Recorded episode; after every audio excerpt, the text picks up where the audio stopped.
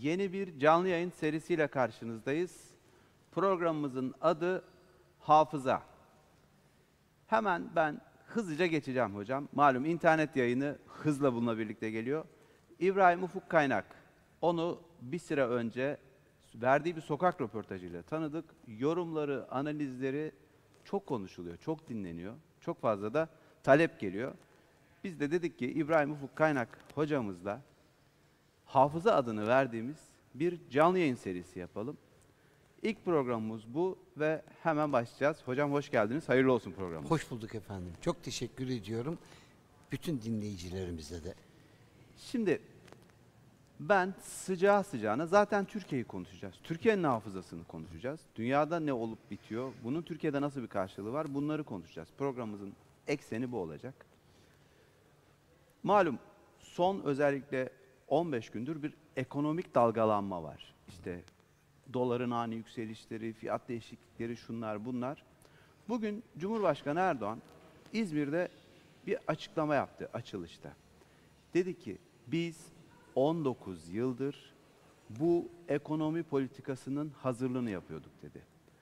Bu cümleyi bundan sonra çok konuşacağız gibi. Şu anlamda söylüyorum. Türkiye bir ekonomik bağımsızlık mı ilan ediyor dünyaya karşı? Direkt aklımıza gelen soru bu. Bununla başlamış olalım hocam. Evet. Aslında deklare edildi resmen bütün dünyaya. Türkiye ekonomik bağımsızlığını ne pahasına olursa olsun diyerek deklare etti. Yani faturasını karşılamaya hazırız diyerek deklare etti. Aslında bundan önce de defalarca yapıldı ama anlamak istemeyenler vardı. Yapamayacağımıza inananlar vardı. İçten durdurulabileceğine inananlar vardı. İçteki bütün dinamikleri harekete geçirdiler ve şu ana kadar yapılması gereken her şeyi yaptılar ve başaramadılar. Şimdi son olay parayla oynuyorlar. Benim ilk sokak röportajından beri sürekli olarak vurguladığım bir şey var. Paranın sahipleri parayla oynuyorlar. Oynayacaklar. Şimdi duracaklarını sakın beklemeyin dedim. Bu olayın 2023'e kadar da böyle dalgalanarak devam edeceğine kesin olarak inanın. Bunların ama hiçbirisinin Türkiye'yi hiçbir şekilde yıkmayacağına, engelleyemeyeceğine de inanın. Açıklaması nedir? Açıklaması şu. Eğer biz o seviyede olmasaydık zaten bunların hiçbirisi olmazdı. Yani Sa- sebep sonuç ilişkisinden Evet. bahsediyoruz. Evet, saldırının en büyüğü senin en fazla diklendiğin zamana denk geliyor. Ki bunun da tarihsel kodları var. Girdiğimiz takdirde onları da vereceğim. Konuşacağız hocam. Peki bu ekonomik bağımsızlık ilanından kasıt ne? Sayın Cumhurbaşkanı aslında halka da bir çağrı yaptı. Hazırlıklı olun dedi sizin dediğiniz gibi. Arkamızda olun dedi. Hatta belki de bundan sonrasındaki günlere de bir işaret verdi değil mi? Evet. Şimdi aslında olayı Merkez Bankası'ndan başladık. Bütün sıkıntı oradan başladı. Türk Devleti Merkez Bankası'ndaki hisselerini yüzde elli'nin üzerine çıkarttı. Çok akıllı bir planlamaydı her şey ama bütün buna rağmen bunlar yeterli değildi. Niye? İçeride yerleşmiş olan yapı zaten çoğunlukla özellikle bu İngiltere'dir genelde. İngiltere üniversitelerinden mezun olurlar. Başta Exeter olmak üzere çeşitli üniversiteler vardır. Oralardan özel olarak yetiştirilir bu insanlar. Ama bunların Orta Doğu'daki devlet adamları da oralardan yetişir genellikle değil efendim. mi? Bir e, o e, Middle East e, araştırmaları vardır. Bir orada, ikincisi de yani Londra Üniversitesi'ne bağlandı şimdi bunlar. E, bir de dediğim gibi Exeter Üniversitesi bir iki tane daha var. St. Andrews'e bile gidiyor bazıları. E, ama esas olay şurada. Biz bir yapı vardı. Bu yapı bütün dünyanın merkez bankalarını kontrol ediyordu. Hiç kimse buraya laf söylemeye cesaret edemiyordu. Ve ilginç bir söylem vardı. O da şu. Merkez bankaları bağımsızdır. Ya hayatım boyunca duyduğum en salakça kelimelerden bir tanesi. Niye bağımsız ki? Türkiye Cumhuriyeti'nin Merkez Bankası ise adını Türkiye Cumhuriyet değil de Türkiye Cumhuriyeti Merkez Bankası koyup benim için çalışmayı öğrenene kadar devam etmeliydik. İşte dünkü açıklamanın aslı buydu. Türkiye Merkez Bankası'na diyor ki bakın diyor Bu zamana kadar böyle geldi bu sistem diyor. Bu sistemi diyor ben bir çomak soktum. Daha önceden de size söyledim dünya beşten büyüktür dedim. Sinyallerini 10 senedir veriyorum. Ben bunu yeni söylemiyorum diyor Türkiye. Ben bunun diyor sinyallerini 10 senedir veriyorum. Şu anda uygulamaya geçtik. Şu anda uygulamaya geçtik. Tabii ki tepkileri de böyle bir iki tanesinin sokağa çıkmasıyla olacaktır. Yani bakın o kadar ilginçtir ki tarihi dönüşümü açısından söylüyorum. Eskinin solları yani anti-emperyal olan güçler emperyalizmi savunmak için sokağa çıkıyorlar. Çok ilginç emperyal e, düzenden Türkiye kendisini kurtarmasın diye sokağa çıkıyorlar. Halbuki biz tabii ki doların yükselmesi hoş bir şey değil. Herhangi kendi ülkemizin parasının değer kaybetmesi hoş bir şey değil. Ama biz zaten böyle bir savaşın içerisine gireceğimizi bile bile girdik. Bakın geleceğinizi kurtarmak adına ya bu işe başlayacağız ya şu andan havluyu bırakıp gideceğiz. Bazıları havluyu bırakıp gitmek istese de bu liderin bırakmayacağı belli. Niye uğraşıyorsunuz? Bırakmayacak. Çünkü biz arkasındayız. Bize de bir sözü var. Bu millet tekrar büyük olmak zorunda. Sıkıştırıldığı cenderede duramaz imparatorluk geçmişi var. Son 20 yıl yani AK Parti iktidarı 3 Kasım 2002 işte 1 Kasım Evet. ayındayız yine artık 20 yılın içerisindeyiz. Bütün parametreler, denklemler, planlar, projeler bu son 20 yılda değişti ve netleşti. Türkiye'de ne değişti? Tam olarak. Yani o gelişmişlikler, yatırımlar, atılımlar, siyasi bir istikrar. Ama bunun dışında değişen bir şey var hocam. Aslında bana göre en önemli şey şu. Çok geç, çok sıkıntılı, çok uzun bir süreç içerisinde başladı. Çünkü sıfırdan başlıyoruz. Her bir şeyi tekrar yapacağız. Bu savunma sanayiydi. Esas kilit nokta savunma sanayiydi. Dünyada çok az devlet kendi savunma sanayi ürünlerini üretebilir ve herhangi bir savaş durumunda kendi malzemelerini kendisine dışarıdan beklemez. Spot piyasadan almaya çalışmaz. Ondan bundan mal almaya çalışmaz. Bakın yabancı size bir mal veriyorsa herhangi bir uçak alıyoruz. İnsanlar zannediyorlar ki ben uçağı aldım, tankı aldım. İçerisinde her zaman bu dolu zaten. Gide gide atacak bu. Öyle bir şey yok efendim yok. Adam sana tank savar füzesini bir tane veya iki tane veriyor. Bir tanesini tatbikatta kullanıyorsun, diğerinde kalıyorsun. Elinde bekliyorsun ki bir tane düşman gelsin onu atacağım diye. Adam sana uçak veriyorsa iki tane Sidewinder füzesi veriyor. Bir tanesini tatbikatta kullanıyorsun, öbürünü bekliyorsun. Nereden nereye arttırabilirim diye. Ya da diyor ki Doğu ve Güneydoğu'daki operasyonlarda kullanamazsın. Kullanamazsın diyor. Almanya bunu dayattı. Evet, evet. Bakın hani o da olayın bir başka yönü. Şimdi dediniz ya ne değişti diye. Ben tek tek karayollarını, demir yollarını, hava yollarını falan saymayacağım. Esas oraya, onları zaten geliriz. Bana göre yol ulaşı, ulaştırma yani bir ülkenin kan damarıdır. Kan damarı, kanın gitmediği vücut hücreleri nasıl çürürse yolun gitmediği, hava alanının gitmediği yerlerde aynı şekilde çürür bizden uzaklaşır. Önce çürümeyi durdurdu Türkiye. Bu Yol on- son 20 yılda önce çürümeyi durdurdu. Kangren olan bölgeleri kesmem dedi. İlk önce Haliç'ten başladı kesmem dedi. Alman uzmanlar getirdiler bu Haliç'i gömelim dediler. Üzerine yeşil arazi yapalım, park yapalım, ev yapalım dediler. Hayır dedi olmaz ve bugünkü halinde döndü. İnsanlar unuttu bunları. O günleri unuttu. Yani bakın İstanbul'a İstanbul'a çok komik paralar verilerek 50 milyon dolar verilerek uçaklarla e, yağmur yağsın diye aşılama yapıldı. Yağmur duasına çıkanlarla alay ettiler. Ama yağmur duası işe yaradı biliyor musunuz? Hocam bu yol meselesini biraz açmamız lazım sanırım. Yani duble yollar, çift gidiş gelişler, işte su- gibi akan hani halk tabiriyle kaymak gibi yollar. Bunun ötesinde bir şey söylediniz ama siz. Kılcal damarlar dediniz. Yol demek aslında bir sürü sorunu da ortadan kaldırıyor demek. Çok fazla. Mesela terör. Evet. O yüzden ne dediler? Hatırlayın o Evet, lafları. evet. Buraya yor götürmesinin amacı dedi.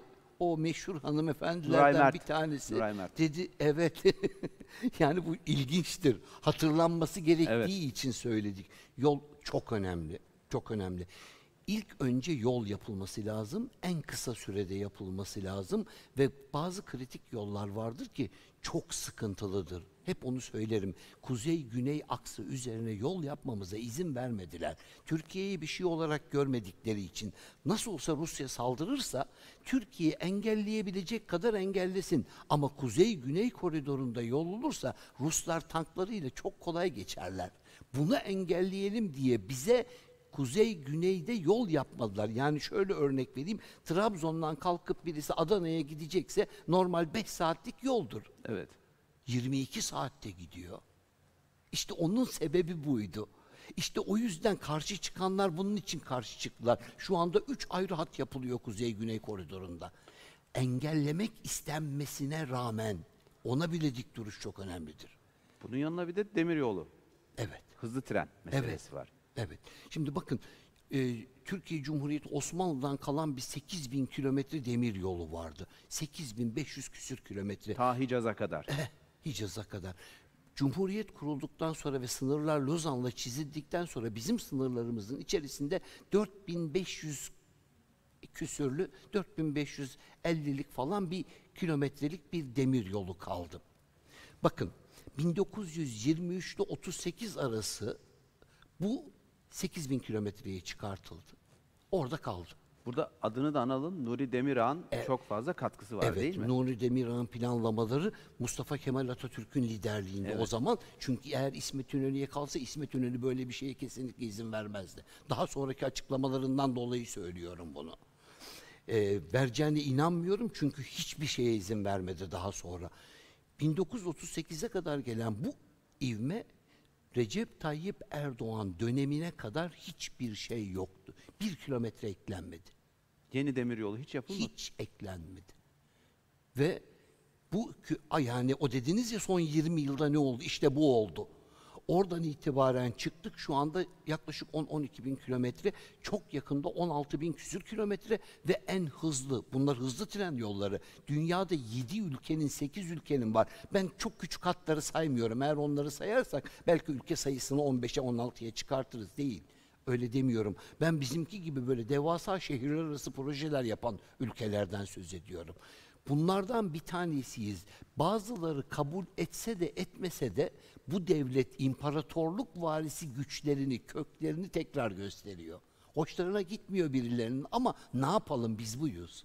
Hocam savunma sanayi dediniz ya. Evet, 1954'te merhum Başbakan Necmettin Erbakan evet. e, piyade okulunda yedek subayken ondan Amerika'dan e, istenecek olan o istikam depodan istenecek olan malzemelerin listesini yapması Evet. istenir. Evet. Listeleri listede şunlar var. Evet. Gizleme ağı, kazma sapı, kürek sapı, arpacık muhafazası gibi. Rahmetli Erbakan da ya biz bunları niye istiyoruz? Bunları yapacak olan torna tezgahlarını isteyelim Aynen. der. Bir Amerikalı subay da çıkar gelir ve kim bunu isteyen diye görmek ister vesaire. Böyle bir yaşanmışlık var. Evet. Şimdi kazma kürek sapını Amerika'dan isteyen bir Türkiye, şimdi dünyada e, insansız hava aracında ilk üçe giren Türkiye. Böyle bir denklem var değil mi? diyorum ya size ben hep şöyle derim. Yüzyıllar içerisinde bir ülkeye dahi gelme şansı çok azdır. Gerçekten diyorum. İki, varsayalım geldi. Eğer dahi Ekvator'a gelirse hiçbir önemi yoktur. Arjantin'e gelirse de bir önemi yoktur. Kimse duymaz, bilmez. Gider arada, kaybolur gider. Öyle bir yere gelmeli ki onu değerlendirebilecek bir halk olsun. Bu halk değerlendirdi.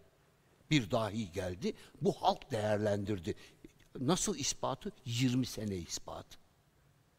Siz Recep Tayyip Erdoğan için siyasetçinin ötesinde bir dahi mi diyorsunuz? Kesinlikle. Bakın ben bu ben bunu emin olun böyle bir hani hep çok kullanılan kelime vardır ya hamaset.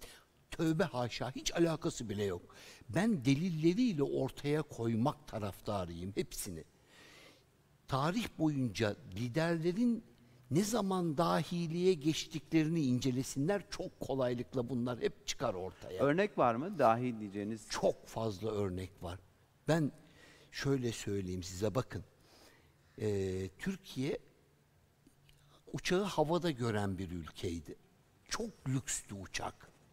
Filmlerde falan işte Edison bilmem ne Türkan Şoray e, zengin kız o pilotla gelir havaalanına iner o yürümeleri bile insana inanılmaz bir özenti verirdi. Çünkü uçaktan çok uzaktık. Uçak şu anda hava halkın yolu oldu. Otobüs gibi kullanıyor artık herkes. Bir kısım e, ekonomik sıkıntı çekiyorum falan der. Evet vallahi doğrudur. Sakın lütfen kimse beni yanlış anlamasın. Ama şunu söyleyeyim ki çok açıklıkla dünya çok sıkıntılı bir dönemden geçti. Bütün dünya. Özellikle bu hastalık olayı, son Covid olayı iki sene içerisinde dünyanın dengelerini çok bozdu. Yakında yüz küsür tane ülkenin batışını izleyeceğiz zaten. Biz buna şahit olacağız şu andaki yaşayanlar. O yüzden bazı şeylerde o yüzden diyorum ki sabretmeyi iyi bilmek lazım. Öyle sıkıntılı bir dönemden geçiyoruz. Yani o, o dönemi atlattıktan sonra zaten durduramayacaklar. Şimdi sabır dediniz. Bununla birlikte bir de karamsarlık hakim olsun diye uğraşanlar var. Evet. Yani bu değişim, dönüşüm, bütün olanlar, yaşadıklarımız hani her şey biz yaşarken oldu. Şu anda gözlemliyoruz. Evet. Ama bir taraftan da bugünü düşündüğümüzde işte doların fiyatı değişiyor, yükseliyor, şu oluyor, bu oluyor. Tabii ki ekonomik bir darboğaz da oluyor bununla birlikte. Yani halkın kendi ekonomisiyle alakalı bir karamsarlık da hakim son dönemde özellikle. Şimdi karamsarlığı şöyle alalım. Eğer 2019 yılına kadar olanı bir ayıralım. 2019'dan sonraki dönemi ayıralım. Niye? E, çünkü e, 2002-2019 arasında inanılmaz güzel bir ivme var. Bakın dolar 1.86-2 civarındayken 6'ya çıktı. Normal olarak her yıl enflasyon kapsamıyla bu normal bir fiyatlamaydı. Yani 6 normaldi. Çünkü niye? Örneğin bu sene dolar 10 liraysa ve %25 enflasyonumuz varsa bir dahaki senenin sonunda 12.500 lira olması kaçınılmazdı. Eğer 13.500 olursa işte orada operasyon giriyor. Karamsarlık o noktada başlar. Şimdi eğer bi- biz böyle rakamları ortaya koyduğumuz zaman ben 2019'a kadar olan süreci ayırdım. Neden? Çünkü bal gibi bir dönemdi. O dönem kendisini gösteriyor. Peki o dönem bu bugünkü şikayet edenler memnunlar mıydı? Değillerdi. Evet. Yani şikayet o zaman da vardı. Hayır, Biraz Karamsar- geriye gidelim hocam. Tabii. 2013'te hükümeti devirmek için Evet. sokağa inenlerin gerekçelerinden biri yine benzer şeylerdi. E, dolar ne kadardı? 1.60 falandı. Ya 2005-2006'ları hatırlayın.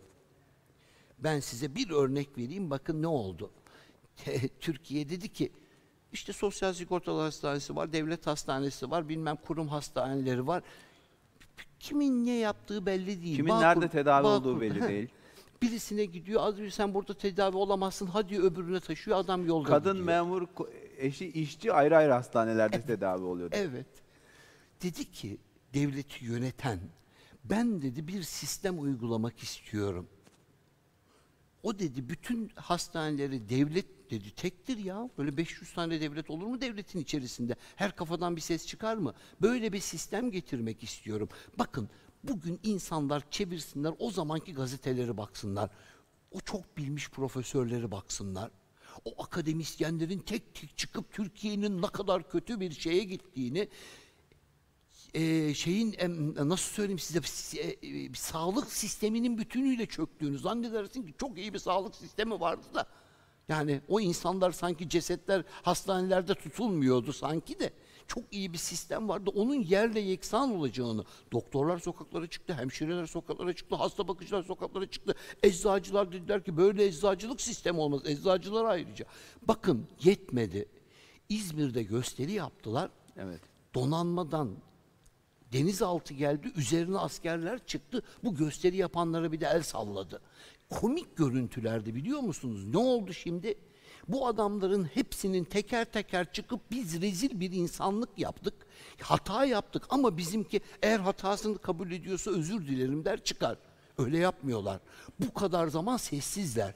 Bu sistemin işe yaradığını gördükleri halde sessizler.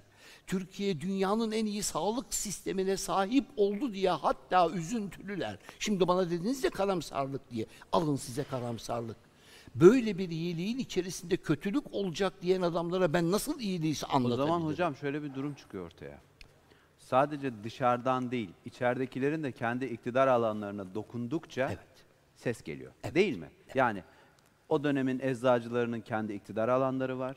İşte doktorların kendi iktidar alanları var. Hastanelerin sağlık sisteminin vesaire. Bak, en küçük örnekten bahsediyoruz ya da bugün konuşulmayan bir tarihi dönüşümden bahsediyoruz belki de. Bakın Biden gelmeden iki sene evvel başladı her yerde konuşmaya. Hem yardımcısını konuşturuyor hem kendisini konuşturuyor. Diyor ki Türkiye'yi mahvedeceğim. Açık söylüyor. Hiçbir yerde saklamıyor. Muhalefeti Ama diyor, destekleyeceğim ve mahvedeceğim diyor. Recep Tayyip Erdoğan da baş düşmanım diyor. Çok açık söylüyor, kelimelerle söylüyor. Ya sadece bunu duymak bile antemperyal bir adamın abi oklar buraya gidiyor, bu adamı öldürmek istiyorlar, ben onun tarafındayım demesi lazım.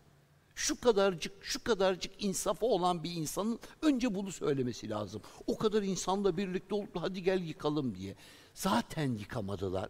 Onlar gibi kaç tane başkan geldi gitti. Millet izin vermedi. Ben yine inanıyorum yine vermeyecek. İzin vermeyecek çünkü bu tarihi dönüşümü tamamlamak zorunda. Onun bize sözü var. Biz o sözü bekliyoruz. Bu millet tekrar büyük bir millet olacak. Yani bunu engellemeye hiç kimsenin gücü yetmiyor. İçimizdeki karamsarların falan zaten yetmeyecek güçleri. Onu çok açıklıkla söyleyeyim. Neden biliyor musunuz? Bakın Türkiye'nin karamsarları çok ilginç bir profil gösteriyor. Kadıköy'de oturuyorlar. Moda'da oturuyorlar. Şişli'de, Bomonti'de, Kurtuluş'ta oturuyorlar. Ankara'da, Çankaya'da oturuyorlar. İzmir'in Alsancak'ında oturuyorlar. Rahatsızların en çoğu buralarda. Anladınız mı? Aslında e, hiç şikayet etmemesi gerekenler en çok şikayet ediyor. Hani karamsarlık dediniz ya bana. Ben diğer halk zorluk çekmiyor demiyorum. Ancak şunu çok rahatlıkla bilelim. 2002 yılında ev ev dolaşarak yardım malzemesi dağıtılıyordu. Bu olay 2008'e kadar devam etti. Bunları yapan insan bu memleketi hiçbir zaman zorunlu hiçbir şeyden mahrum bırakmaz. Bunu herkesin bilmesi şart. O yüzden 2019'a kadar dedim. 2019'dan sonraki devre farklı bir devre. O zaman dediler ki Türkiye cıdıktan çıkıyor artık. Çünkü savunma sanayindeki atılım, inanmadıkları her şey ortaya çıkmaya başladı. İnanmadıkları, kesinlikle Türkiye'nin yapabileceğine inanmıyorlardı. Hindistan'ın 1 milyar 350 milyon nüfusu var. Çin'in 1 milyar 350 milyon nüfusu var yapamıyor. Bu kadar mühendis çıkartamıyordu. Biz nasıl yapardık?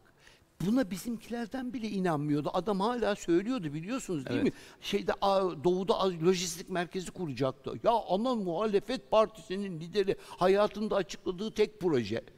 Doğuya dedi "Aa, lojistik merkez kuracağım dedi. İşte çocukları orada çalıştıracağım dedi. Yani Çin'de üretecekmiş de onda gelecek. Kargoculuk yaptıracağım dedi Ya yani. kötü bir şey ya. Vallahi yani bakın çok acı bir şey gerçekten. Muhalefetsiz olmak bir ülkenin en büyük şanssızlığı. En büyük Bunu da şanssızlığı. bunu Cumhurbaşkanı da çok söylüyor. Ve ilginç bir şey biliyor musunuz? Oradaki dediğim gibi bir psikoz da var işin içerisinde. Adam yetmiyor karşı olmak. Diyor ki en iyi de yapsanız karşı çıkacağız diyor. Çok açık söylüyor. Peşinden de diyor ki şunu yapma. Niye? O iyi bir şey diyor. O yüzden yapma. Biz bunu yıkarız diyor. Söylediği hiçbir şeyin akli mantıki açıklaması yok. Hızlı trene uç e, şeylerin kuşların yolunu engelleyecek diyen bir zihin düşünün siz ya. Hızlı trene diyor ki 4 metre yükseklikte ya 4,5 metre yükseklikte. Bunun kuşun yolunu engelleyeceğini söyleyen bir akıl var ya. Gerçekten ilginç diyorum vallahi. Bakın bir, bir, bir ayrı bir şey ve bunu diye diye yüzde 25 alıyor ama alıyor. Bu bir motivasyon mu? Bir bahane mi? ben karşıdakilerin Ya da çoğu- bir dar görüşlülük mü? Kapasite bu mu yani? önce nefret yaptırdı. Bakın ben ilk defa burada söylüyorum kapak olsun. Bir hastalık var bu yeni bir hastalık. Tayyibafobi hastalığı. Bu adamlar bu hastalığa düçar oldular. O yüzden de gerçekleri göremiyorlar. Tayyibafobiye dedim bakın. Yepyeni bir hastalık türü. Manşeti de attınız hocam. Artık buradan vereceğiz manşeti. İlk programımızda manşeti de atalım. Evet. Bu ciddi bir hastalık. Hani karamsarlık dedik ya. İşte karamsarlığı pompalayan da bu hastalık. Adam hiçbir iyi şeyi görmüyor. O kadar Türkiye'den uzakta ki, bak Türkiye'nin içinde yaşıyor. O kadar uzakta ki Türkiye'nin insansız hava sistemi yaptığını bilmiyor. Bilmiyor. Bilse inanmıyor. İnansa görse gözüyle görse "Aa, motoru yok diyor. Vallahi motoru da bizim diyoruz. Ya Fabrika bir şey yok diyor. söylemem lazım diyor ya. Ben ben muhalefetim. Sen Türkiye'ye muhalif değilsin. Sen bir- bu ülkenin insanısın. Bu adamlardaki peki bu motivasyonun ana kaynağı dedim ya Biden dedi ki iki buçuk senedir ben böyle böyle dedi. Geldikten sonra da açık açık uyguluyor. Niye böyle yapıyor? Ne yaptık biz Amerika'ya? Ne yaptık hocam? Tam o soru geliyordu işte. Öyle mi? Tam o soru geliyordu. Hadi sorun ne olur. Ya neyi dürttük? Nereye çomak soktuk? Ya da hangi hafızamız İlk canlandı? önce bir tarihi bağlamını İşte alayım. hafıza. Ondan Evet. sonra gelelim Evet. oraya. Bak hafızayı oraya kullanalım. Cezayirli Hasan Paşa'yı duydunuz mu? Çeşme'de e, orada limanda heykeli var. Evet. Yanında bir aslanıyla beraber duruyor. Görmeyenler gittiklerinde dikkat etsinler diye diyorum. Çünkü çocukluktan bebekken aldığı bir aslanı hep yanında büyütür. Tekirdağlı. Fakat bir Cezayir'e doğru gemiyle giderken bir düşman gemisiyle aralarında mücadele geçiyor. Çok o kadar kızıyor ki bu işe bizim Hasan Bey. O zamanlarda 25 yaşında gidiyor ceza şeyin geminin içerisindeki 15 kişiyi öldürüyor. Geri kalanları esir alıyor. Böylece gemi sahibi oluyor. Mahzene kilitliyor. Hepsini Cezayir'e götürüyor. İlk işi bu. Bunun üzerine kendisine hemen yardım ediliyor. Özelliğini söyleyeceğim ne oldu diye. 1770'lere gelindiğinde 1700 e, Amerika Birleşik Devletleri'nin bağımsızlık dönemi 1767'ler.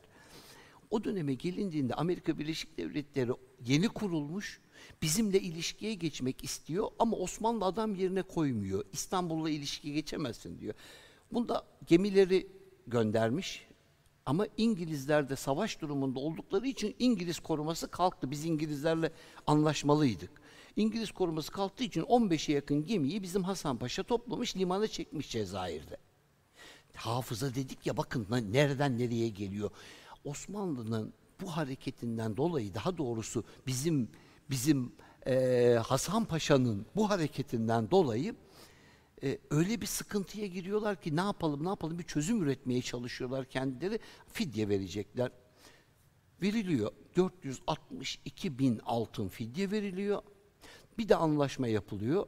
Anlaşma tek nüsha Türkçe. Türkçe. Altına Amerika Birleşik Devletleri Başkanı'nın imza atıyor. Bir de bizim Cezayir'deki Hasan Paşa'mız imza atıyor. Ha, Tek mesabe bu. Türkçe. Ve Amerika Birleşik Devletleri Türkiye'ye her yıl 12 bin altın fidye ödeyecek diye. 29 sene ödüyorlar. 29 sene. Tamam mı? 29 sene. Bu olay 1809 onlara kadar gidiyor. Şimdi bakın o anlaşmanın maddeleri çok ilginç. Dedim ya. Kaç madde var hocam? Tek müsaade ediniz. O tam tam sayısını söylemeyeceğim ama ikincisinin ikinci bir anlaşmamız daha var. Onda oraya gideceğim Murat Reis'e. e, Hasan Reis'ten sonra bir de Murat Reis'imiz var bizim. Hele iki tane Murat Reis var. Bir küçük Murat Reis, bir büyük Murat Reis var. O kadar ilginç ki bunların bir tanesi Cezayir'de, öbürü Tunus'ta, öbürü Trablusgarp'ta, öbürü Fas'ta. Ama hepsi de bunların adları Berberi diye geçiyor. Halbuki öyle bir şey yok da baştan ayağa adamlar Türk Türkçe konuşuyor. Belgeyi de Türkçe yazıyor zaten. Belgeler Türkçe. Hasan Paşa'nın yaptığı belge sadece Türkçe ama George Washington imzalıyor. Şimdi anlatabildim ben size sıkıntının ne kadar büyük olduğunu? Peki.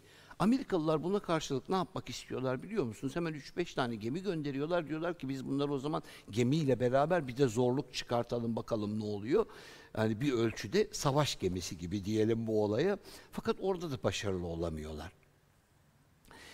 Bu öyle bir sıkıntı yapıyor ki Yani Amerika Birleşik Devletleri kendi içerisinde şunu düşünüyor. Ya biz hani yeni yeni bir şeyler yapmak istiyoruz ama bir türlü başaramıyoruz.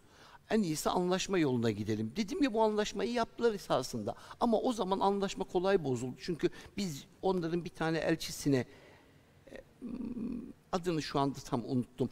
E, Ona bir yıllık bir vize vermişti. Daha sonra vizeyi kaldırdı sinirlendiği için. Vizeyi kaldırdı. Şimdi bakın biz bir devletin bir parçasından söz ediyoruz. Cezayir'de Hasan Ağa, bizim Aslanlı Hasan Ağa. O orada Amerika Birleşik Devletleri'ni haraca bağlıyor. 800, 642 bin altın alıyor, İstanbul'a gönderiyor. Biz onunla Rus Harbi'nin şeyini ödüyoruz. Masrafını çıkarıyoruz. Masraflarını çıkartıyoruz. Şimdi bir sonraki dönemine soracağım. Bir de Murat Paşalarımız var bizim. Bu Murat Paşalardan bir tanesi Küçük Murat Paşa denilen şahıs aslında bir Hollandalı. Müslüman olmuş yani Türk olmuş. Belgeler Türk oldu diyor. Hani Müslüman oldu mu Türk oluyorsun çünkü. Evet. Diyor ki bu biz bunu Cezayir'e geldikten sonra çok iyi bir denizci. Buna da gemi veriyoruz. 15 parça gemi veriyor bizimkiler ve o gemilerle beraber Cebeli Tarık'tan çıkıyor. İspanya, Portekiz hepsini haraca bağlıyor bakın. Hepsinden vergi alıyor. Ee, Norveç, Danimarka, İzlanda, Bütün Kuzey Avrupa'yı bütün o bölgeyi şimdi Kuzey Buz Denizi'nden Amerika Birleşik Devletleri'ne geçip Newfoundland Yarımadası'nın önünden aşağıya inip Virginia sahillerini topa tutuyor. Ben bunları niye anlattım biliyor musun? Bakın devlet Hocam hafızası gözümün iç- önünde böyle bir harita şekillendi. Gemi dolaşıyor şu anda. Liman liman. İşte bakın o haritadan oradan geçtik ve bu Ağustos ayında da geri dönüyor. Şey Eylül ayında da geri dönüyorlar bizimkiler. Şimdi bakın o kadar ilginç ki bunların içerisinde adamlarla yaptığımız bir harp var. O harp Deniz Harbi Amerika Birleşik Devletleri Navy'sinin yani donanmasının kuruluş tarihi. Deniz Kuvvetleri Komutanlığı'nın önünde bir heykel var. O heykelde onun simgeliyor.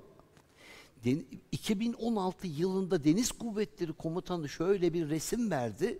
Arkasında bir tablo var. Tabloda Amerika Birleşik Devletleri gemilerini batıran ay yıldız bayraklı bir adamlar görünüyor. Yani düşman. Anladık mı şimdi nereden kim geliyor? İşte bu devletin hafızası. Bazıları Türkiye'nin bunları bilmediğini zannediyor. Onlar biliyorsa vallahi biz de biliyoruz. Ama hocam hafızayı diri tutan onlar şu anda. Evet, Öyle göründü değil evet. mi? Yıllardan beri Evet. o hafızayı diri tutanlar Evet. Ve şimdi sıra bize geldi. Hmm. Şimdi biz dedik ki kurmuş olduğunuz oyunu gördük. İkinci Dünya Savaşı'ndan sonra e, bu kurumların hepsini ele geçirenleri de tanıyorum. Merkez Bankası bağımsızdır ne demek ya? Benim ülkemin Merkez Bankası bana bağımlıdır diyor. Diyor biliyor musun? Aslında bana göre bayram günü falan ilan edilmesi lazım. Vallahi o kadar. Tarihi dönüşüm yaşıyor Türkiye. İnsanlar şu sıkıntının içerisinde tarihi bir bugüne çentik koysunlar. Çocuklarını anlatmak için bir tarih olarak anti-emperyal mücadele 26 Kasım Cuma 2021 Evet. tarihinde altını çizelim. Evet.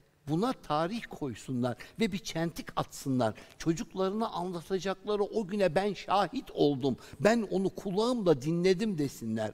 Çünkü o imparatorluk refleksi gösteren Türkiye Cumhuriyeti'nin dirilişidir. Hocam ben sizi dinlerken ne hissediyorum biliyor musunuz? Biz bir 15 Temmuz'u göğüsledik, püskürttük ya. Evet. Ben 16 Temmuz sabahının ruhunu hissediyorum. Evet. 15 Temmuz'u konuşuyoruz ama asıl ruh 16 Temmuz sabahıydı. Size o ben- özgüven, o cesaret. evet.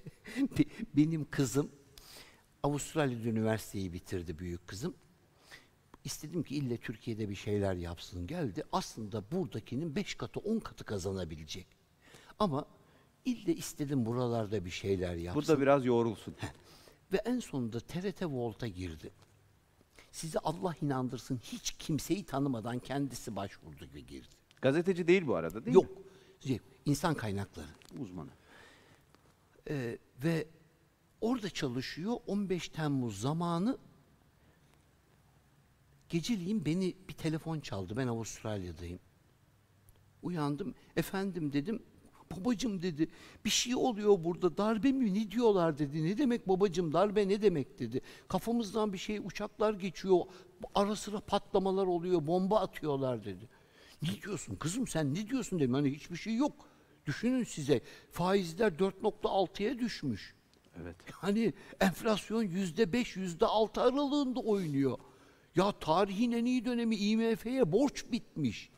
Bütün emperyallerin normalde anti emperyallerin bayram günü IMF'ye borcun bittiği gün ve ve ve ve ve, ve birkaç gün şey sonra yıl sonra darbe oluyor. Bakın komik bir şey. Her şey çok komik gidiyor. Dedi ki babacığım ben ne yapacağım? Ne demek ne yapıyor? Dedik işte herkes dedi çıktı fırınlardan makarna alıyor, ekmek alıyor, bankalardan paralarını çekiyor. Sokağa çıkacaksın kızım dedim. Aynı anda başkan çıktı diyor ki milletimi sokağa davet ediyorum. Şimdi damadım olan şahıs Bosnalı. Bu kendisine sorulduğunda bunu hani İngilizce bu program hazırlamışlar diyor ki o zamanlar evli değiller. Yanındaymış kızımın ve diyor ki bir baba diyor çocuğuna diyor ki git tankların önüne diyor. Bu YouTube'da var. Yani videosu. Bu diyor inanılacak bir şey değildi diyor. Ben hemen gittim kendi biletimi aldım. Birkaç gün sonra geldim buraya. Meydanlarda nöbet tutmak için. Türkiye nerenin üzerinden geçtiğini anlayamadı. Aynı adamlar şu günkü yapanlar aynı insanlar. Yarım bıraktıklarını tamamlamak istiyorlar. Vallahi billahi oyunun farkına vardık. Bitti. Artık Graham Fuller de gelse bitti. Bitti. O adam kaçtı buradan gitti ama tamam mı? Hiç kimse bilmiyor. İncelemek de istemiyor, anlamak da istemiyor. Özür diliyorum. Estağfurullah. Graham Fuller'in kızının adı Ankara Fuller. Bir adam kızının adını niye Ankara koyar diye düşünmek istemeyenlere benim çok fazla anlatacağım bir şey yok. Ama devlet hafızası bilir diyorum. O yüzden bizim programımız hafıza ya. Evet. Maşallah. Allah hafızanıza zeval vermesin hocam. Eyvallah. Böyle puzzle'ı birleştire birleştire gideceğiz sevgili izleyiciler. Biraz toparlayalım. Evet. Çünkü önümüzdeki programlara da konuşacak şey var. Bu O korku- kadar çok şeyimiz var ki. Evet ama bir korku meselesini bir konuşmamız lazım. Hani korkudan kastım şu hocam. Ben hemen kendi hafızamı hızlıca can şey yapıyorum, Evet. kurcalıyorum. Cumhurbaşkanı Erdoğan başbakanken Davos'ta İsrail Cumhurbaşkanı'na one minute dedikten 3 dakika sonra Türkiye'de yandık, bittik, mahvolduk, Türkiye'yi perişan edecekler diye bir söylem geliştirildi. Evet. İşte Mavi Marmara oldu, işte İsrail'e bütün ilişkileri kestik, yine yandık, bittik. Geliyorum Amerika'da Biden kazandı. Siz Biden'a örnek verdiniz ya iki buçuk yıl önceden ilan etti. Aha şimdi gördünüz, şimdi bittiniz. Bu sefer sonunuz geldi diye parmak sallamaya başladılar. Bu bir mekanizma ve devamlı işliyor. Korku pompalama mekanizması ya da sindirme. Bunu nasıl aşacağız? Şimdi paranın sahipleri parayla oynarken aynı zamanda sosyal düzenle de oynarlar. Sosyal düzenle yani psikolojisine doğrudan insanların psikolojisine etkiler. Eski şeyleri hatırlayın. San Francisco'nun sokaklarını bile ezberlettiler bize filmlerle. Los Angeles'ta nelerin olduğunu, New York Polis Teşkilatı'nı vesaire bu değil bize. Bütün dünya böyleydi. FBI'nin ne kadar Evet. maharetli bir örgüt olduğunu vesaire CIA bir taraftan çok çabuk söndü balon. Ama aslında dünyada 200 tane devlet var. İçlerinden Türkiye yaptı bu işi. Ben aslında 10 sene evvelden Rusya'nın peşine takılacağını bekliyordum. Çünkü Rusya'nın ayakta durabilmesi bize bağlı. Aa, yeni bir konu başlığı çıktı hocam. O kadar o kadar önemli ki Putin'in Putin Putin de Rusya'nın dahisi öyle söyleyeyim size. Putin de Rusya'nın dahisi. O o ülkeyi ayakta tutabilmek için Rusya çok kötü dağılmıştı, gitmişti. Rusya'yı eski Sovyetler Birliği ha burada bir de bir de bakın bu konuya da girelim ne olur. Önümüzdeki sefer Haydar Aliyev konusuna Hocam girelim. başlık şu hatta talep var. Evet. Programı yapacağımızı duyurduktan sonra 3-4 kişi beni aradı. Türk Devletleri Teşkilatı'nı konuşacak mısınız diye Evet. söylediler. Dedim ki bu programın şeyi belli. Evet. Önümüzdeki programda konuşmamız gerekiyor. İki devlet bir e, iki devlet bir millet diyen bir dahi de orada vardı. Çok sıkıntılı bir dönemde geldi. Politbüro'nun en yetkilisiydi. Tam başa geçecekken ayak oyunuyla ayağa kaydırıldı. Azerbaycan'a geri geldi. Yani Sovyetler Evet. Birliği'nin başından izin vermediler. Azerbaycan'a geri geldi. Bir devlet kurar kurmaz hemen Ermenistan'daki hiçbir gücü olmayan bir yer hizaya koyacaklardı. Ben o günleri çok iyi hatırlıyorum. Onu ön- bu, bunu önümüzdeki programda Evet, konuşacağız hocam. konuşalım bunu. O iki devlet, tek millet şimdi çok devlet, tek millete dönüyor. Ve Azerbaycan'da insanlar bizi çok fazla dinliyorlar. Onu da söyleyeyim. Biz bu konuya bir girelim. Onlar da anlayacaklar ki 30 sene nasıl bir şeyle mücadele edildi ve en sonunda başarılı Notu oldu. aldım. Haftaya cuma Evet. program buradan başlıyoruz. Evet. Şeyi korkuyu toparlayalım. evet. Bitiriyoruz hocam. Şimdi gelelim korkuya. Bu korkuyu pompalamaya bu adamların elinde başka malzemeleri yok. Onları da anlayalım ne olur. Bunu yaptıkları iş bu. Niye biliyor musunuz? Diğerlerinin geçerli ge- gerekçeleri yok. Ekonomik durumun yani doların artması insanları bir paniğe sevk etti. O paniğin hemen çok kolay çözümleri var. Azıcık biraz insanlar sabrederlerse kendilerini bu zamana kadar o en sıkıntılı dönemlerden geçiren insanın bunun içinde bir önlem alacağını. Bakın bu işin önlemleri aslında gerçekten kolay. İnsanlar boşu boşuna heyecanlı. İsterse dolar 12 lira olsun. Piyasaya ona uygun zam yaparsın.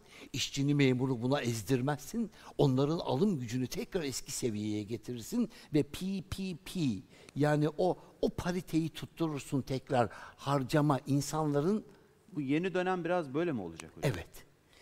O yüzden diyorum ki size çok kritik bir döneme girdik.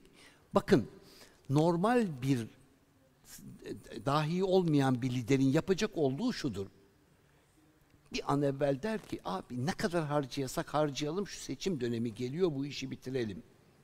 Seçim O hala- ekonomisi diye bir şey var değil mi? O hala diyor ki 127 milyar dolar biriktirdim diyor. Ve bu sefer diyor o hani Merkez Bankası Başkanı gitti şimdi oradan bombalıyor ya. Ne kadar ilginç görüyorsunuz değil mi? Yıllar boyu Türkiye'nin Merkez Bankası'na başkanlık yaptı. Şimdi kalkıyor. Başkan yapılmak için de mücadele verildi. Evet. Ayakkabılarıyla dalga geçtiler. Evet. Kapısının önündeki ayakkabıyla da dalga geçtiler. Evlerine ayakkabıyla girilmiyor denildi. Evet. Bütün bunlara rağmen ama ben bütün ilk konuşmamda şunu söylemiştim. Onlar o kadar dedim stratejiktir ki nereye kimin hangi kılıkta girdiğini anlamazsın. İntihar saldırısı yaptıklarında anlarsın. Ha bir de bu badireler vardı. Değil mi hocam? Bakın, bakın bu adamlara yapılanlar neydi biliyor musun? Bir ülkeye Cumhurbaşkanlığı, Başbakanlık, Dışişleri Bakanlığı, diğeri Başbakanlık, Dışişleri Bakanlığı, Danışmanlık. Bir diğeri 14 sene bakanlık yapmış insanlar bir günde alt üst oluyorlar. Ama ilginç bir şey giderken yüzde bir götüremiyorlar. Çok ilginç biliyor musunuz? Tarih o yüzden ben size dahilik dedim ya. Siz de bana dediniz ki de, ne özellikleri var diye. Bak işte bir tanesine daha geldik dahiliğin. O kadar şeyi yıllarca Cumhurbaşkanlığı, Başbakanlık yaparsın giderken peşinde bir puan götüremezsin. Şu millet sana diyor ki vallahi emin ol diyor. Hiçbir hiçbir önemin yok diyor. Sen onun yanında durduğun müddetçe bizim için değerlisin diyor. Bunu bile anlamıyorlar biliyor musun? Bir de örnekler var hocam. Mesela Abdülatif Şener partinin kurucularındandı. Evet. Şehrinden Sivas'tan bağımsız aday oldu seçilemedi. CHP'den seçildi bu arada. Evet. O da ilginç. evet. Korkuyu toparlayalım. Bu haftayı da toparlayalım. korku dedim ya aslında korkudan kurtulmamız lazım. O yüzden tarihin kodlarını konuşuyoruz. Biraz evvel size de söyledim dedim ki Amerika Birleşik Devletleri'ne bir anlaşma imzalattırdık. Hatta bir anlaşma daha var biliyor musunuz? Murat Paşa'nın imzalattırdığı bir anlaşma daha var. Onun 11. maddesi çok ilginç. O da Amerika Birleşik Devletleri'nin başkan yardımcısı imzalıyor onu da. Ee, Yusuf Paşa, Karamanlı Yusuf Paşa bizim bizim taraftan da bunu imzalayan Karamanlı Yusuf Paşa'nın o imzalanan anlaşmanın 11. maddesi Amerika Birleşik Devletleri'nin Müslümanlara nasıl davranacağını söylüyor, onu düzenliyor. Amerika Birleşik Devletleri'nin bugün laik devlet anlayışını ayakta tutan dört maddenin bir tanesi bu. Çok ilginç O hocam. zamanki e, Karamanlı Yusuf Reis'in yaptırmış olduğu o anlaşmanın 11. maddesi. Onun orijinal belgesi de var. İsteyenler gidip bakabilirler. İngilizce orijinal belgeleri de var. Tarihin kodları dediğim umutsuzluk dedik ya. Bakın bugünler vallahi çok kolay geçecek. Öyle veya böyle. Son dönemeçe geldik. Ama çocuklarına anlatacakları bir sanayi devi geliyor. İsteseler de istemeseler de. Ve her zaman söylüyorum bir dolar sattığımız malzemelerden bir dolar kilo başı alıyoruz. İnsansız hava sistemleri yaparsak 600 dolar, 700 dolar, 1000 dolar daha da geliştireceğiz. Türkiye şu anda dünyanın en iyi radar sistemlerini yapıyor. Bilmeyenler varsa duysunlar. Yakında çok şaşıracaklar çünkü. Ayrıntıları öğrendiklerinde çok şaşıracaklar. Ayrıntıları öğrenecek pozisyon olmamasına gayret etsinler. Yoksa yani biz Libya'da Karabağ'da gösterdik bir hikaye. Görsünler bir zahmet. Değil mi? Zaten esas kısım onu gördüğü için bu kadar geliyor. O yüzden bu faturanın biraz sıkışıklığı olacaktır. Bakın, bakın. Bu ülkeyi bu zamana kadar yöneten liderin ben insanları, kendi insanlarını hiçbir şekilde temel gıdadan mahrum bırakacağına inanmıyorum. Bir, onları pahalıya vereceğine inanmıyorum. İki, peki bütün bunlara rağmen bu ne? Ha onu da söyleyeyim. Şimdi inanılmaz bir bombardıman var. Yurt dışından para aldığı bariz olan, açık olan herkes her an faaliyette. Ve çok kolaylıkla yeni yetişen gençlik zaten anne babadan hafif böyle bir e, şey devrimci cins geliyor. O onu büyüterek geliyorlar. Halbuki esas görevleri anti-emperyalist olmaktı. Onu unutuyorlar. Anladınız mı? Yani Türkiye'nin Cumhuriyeti'nin kuruluşu anti-emperyalistti. Onu bile unutuyorlar. İşte biz de bu programı YouTube'da ve Facebook'ta yapıyoruz ki gençler sizi izlesinler hocam. Eyvallah. Tek amacımız buydu. Teşekkür ediyorum. Yeni Şafak izleyicileri Doldurduk mu? doldurduk hocam. Şimdi biraz böyle çok uzatmamak lazım. Çok güzel. İzlensin, Yo, yo, çok izlensin güzel. böyle. Ben nasıl geçtiğini anlayamadım. Eyvallah. Ağzınıza sağlık. Ey teşekkür ediyorum. Yeni Şafak izleyicileri her hafta Cuma günü bu saatlerde canlı yayında İbrahim Ufuk Kaynak hocamızla hafıza programına devam ettireceğiz. Bu haftalık programı noktalıyoruz. Bu programı paylaşmayı, yorumlamayı unutmayın. Çünkü daha fazla kişinin önüne düşmesi, izlemesi için böyle bir etkileşime de ihtiyacı var. Önümüzdeki hafta görüşmek üzere. Hocam tekrar Özellikle Türk Cumhuriyetlerinden Evet. e, Almanya'dan çok fazla izleyicimiz var. Çok fazla talep var ve Avustralya'dan. Önümüzdeki hafta zaten şey yapacağız. Canlı olarak soruları da alacağız hocam. Onu da duyurmuş olayım. Eyvallah. Bizi izlediğiniz için teşekkür ediyoruz. Teşekkür ediyoruz. Ben de teşekkür ediyorum.